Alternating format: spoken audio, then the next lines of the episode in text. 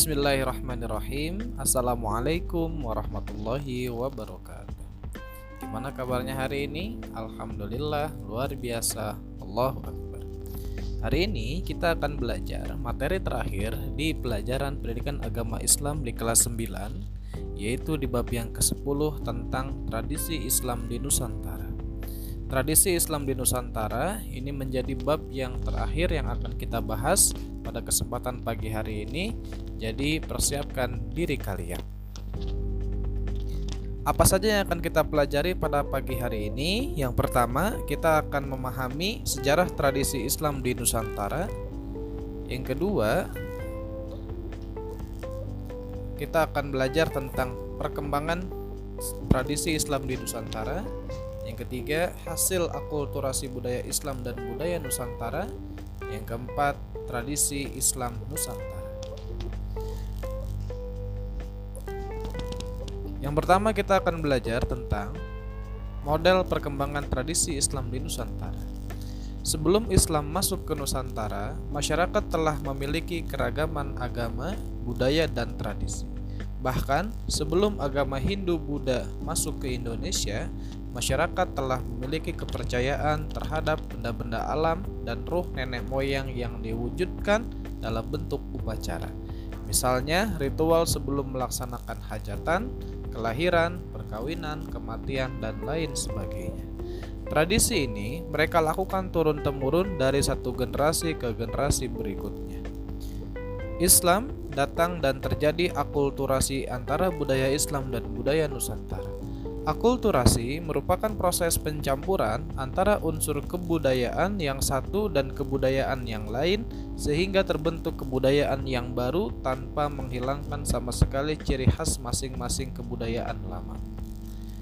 Bentuk budaya sebagai hasil dari proses akulturasi tersebut tidak hanya bersifat kebendaan atau material, tetapi menyangkut perilaku masyarakat Indonesia.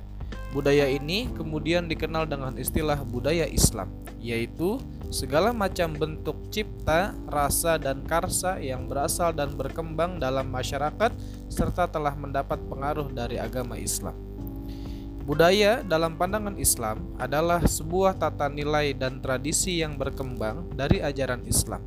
Tata nilai tersebut merupakan hasil penerjemahan dari pokok-pokok ajaran is Islam baik di dalam Al-Quran dan hadis. Sedangkan yang dimaksud dengan tradisi Islam adalah kebiasaan atau adat istiadat yang dilakukan secara turun-temurun oleh masyarakat yang di dalamnya mengandung ajaran-ajaran Islam. Islam mempersilahkan siapa pun untuk berpendapat, mengemukakan ide dan gagasan, ataupun menciptakan budaya-budaya tertentu, asalkan sesuai prinsip-prinsip sebagai berikut. Yang pertama, tidak melanggar ketentuan hukum halal dan haram. Yang kedua, mendatangkan maslahat atau kebaikan dan tidak menimbulkan mafsadat atau kerusakan. Yang ketiga, sesuai dengan prinsip al-wala, yaitu kecintaan yang hanya kepada Allah Subhanahu wa taala dan apa saja yang dicintai Allah Subhanahu wa taala dan prinsip al-bara, yaitu berlepas diri dan membenci dari apa saja yang dibenci oleh Allah Subhanahu wa taala. Itulah model perkembangan tradisi Islam di Nusantara. Yang kedua, kita akan bahas tentang hasil akulturasi budaya Islam dan budaya Nusantara. Di antara hasil akulturasi budaya Islam dan budaya Nusantara, yang pertama adalah dari nama-nama bulan di dalam kalender Jawa. Masuknya Islam ke Indonesia membawa pengaruh pada sistem penanggalan, Islam menggunakan kalender Hijriyah yang berpatokan kepada perputaran bulan. Bentuk akulturasi atau penggabungan antara penanggalan Islam dengan penanggalan Jawa dapat terlihat pada penamaan bulan sebagai berikut. Yang pertama, bulan Muharram dalam bahasa Jawa kita sebut sebagai bulan Suro. Yang kedua, bulan Safar dalam bahasa Jawa kita mengenal dengan bulan Sapar yang ketiga, bulan Robiul Awal dalam penamaan bulan Jawa yaitu Mulud. Yang keempat, Robiul Akhir dalam penanggalan Jawa kita kenal dengan istilah Ba'da Mulud. Yang kelima, Jumadil Awal sama ya dengan penanggalan Jawa yaitu Jumadil Awal. Yang keenam Jumadil Akhir sama yaitu Jumadil Akhir. Nah, yang ketujuh ada bulan Rajab dalam penanggalan Islam di penanggalan Jawa kita sebut sebagai bulan Rejab. Yang kedelapan bulan Sya'ban dalam penanggalan Jawa kita sebut sebagai bulan Ruah. Yang kesembilan bulan Ramadan dalam penanggalan Jawa kita sebut sebagai bulan Pasa. Yang ke-10 bulan Syawal dalam penanggalan Jawa bulan Syawal. Yang ke-11 bulan Julqa'dah dalam penanggalan Jawa bulan Apit dan yang ke-12 bulan Julhijjah dalam penanggalan Jawa disebut sebagai bulan besar. Dan masih banyak lagi e, hasil akulturasi antara e, penanggalan Islam dengan penanggalan e, suku atau budaya yang ada pada uh, daerah tertentu misalnya dalam uh, suku Sunda. Yang kedua, dari segi bangunan itu banyak sekali bangunan-bangunan yang menjadi akulturasi antara budaya Islam dan budaya setempat. Ketiga, dari seni ukir dan kaligrafi, dari seni tari, dari seni musik, dari seni pertunjukan dan seni sastra serta uh, dari berbagai seni-seni yang lain di mana di dalamnya merupakan hasil antara akulturasi uh, budaya Islam dengan budaya yang ada di Nusantara dan kemudian digabungkan menjadi sebuah budaya yang kita kenal dengan istilah budaya Islam. Yang ketiga, kita akan bahas bentuk-bentuk tradisi Islam di Nusantara. Nah, ini banyak sekali bentuk-bentuk tradisi Islam di Nusantara yang bahkan hari ini sering kita uh, lakukan seperti itu. Yang pertama kita kenal dengan istilah halal bihalal.